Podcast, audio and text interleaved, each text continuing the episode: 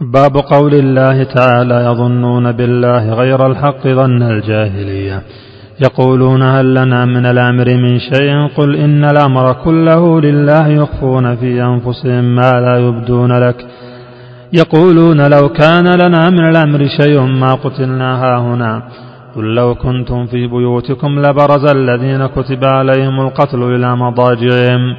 وليبتلي الله ما في صدوركم وليمحص ما في قلوبكم والله عليم بذات الصدور. وقوله الظانين بالله ظن السوء عليهم دائرة السوء. قال ابن القيم في الآية الأولى فسر هذا الظن بأنه سبحانه لا ينصر رسوله. وأن أمره سيضمحل وفسر بأن ما أصابه لم يكن بقدر الله وحكمته.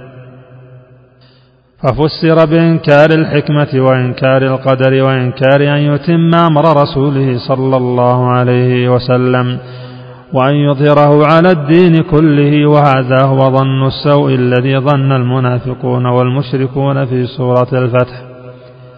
وإنما كان هذا ظن السوء لأنه ظن غير ما يليق به سبحانه وما يليق بحكمته وحمده ووعده الصادق.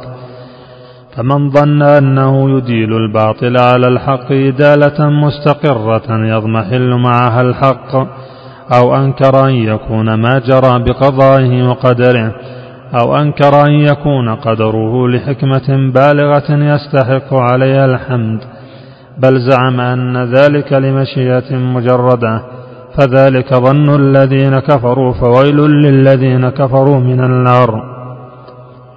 وأكثر الناس يظنون بالله ظن السوء فيما يختص بهم وفيما يفعله بغيرهم ولا يسلم من ذلك إلا من عرف الله وأسماءه وصفاته وموجب حكمته وحمده. فليعتني اللبيب الناصح لنفسه بهذا وليتب إلى الله وليستغفره من ظنه بربه ظن السوء.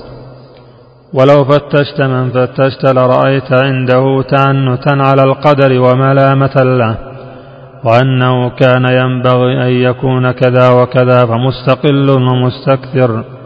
وفتش نفسك هل أنت سالم؟ فإن تنج منها تنج من ذي عظيمة وإلا فإني لا إخالك ناجيا. فيه مسائل. الأولى تفسير آية آل عمران الثانية تفسير آية الفتح الثالثة الإخبار بأن ذلك أنواع لا تحصر الرابعة أنه لا يسلم من ذلك إلا من عرف الأسماء والصفات وعرف نفسه.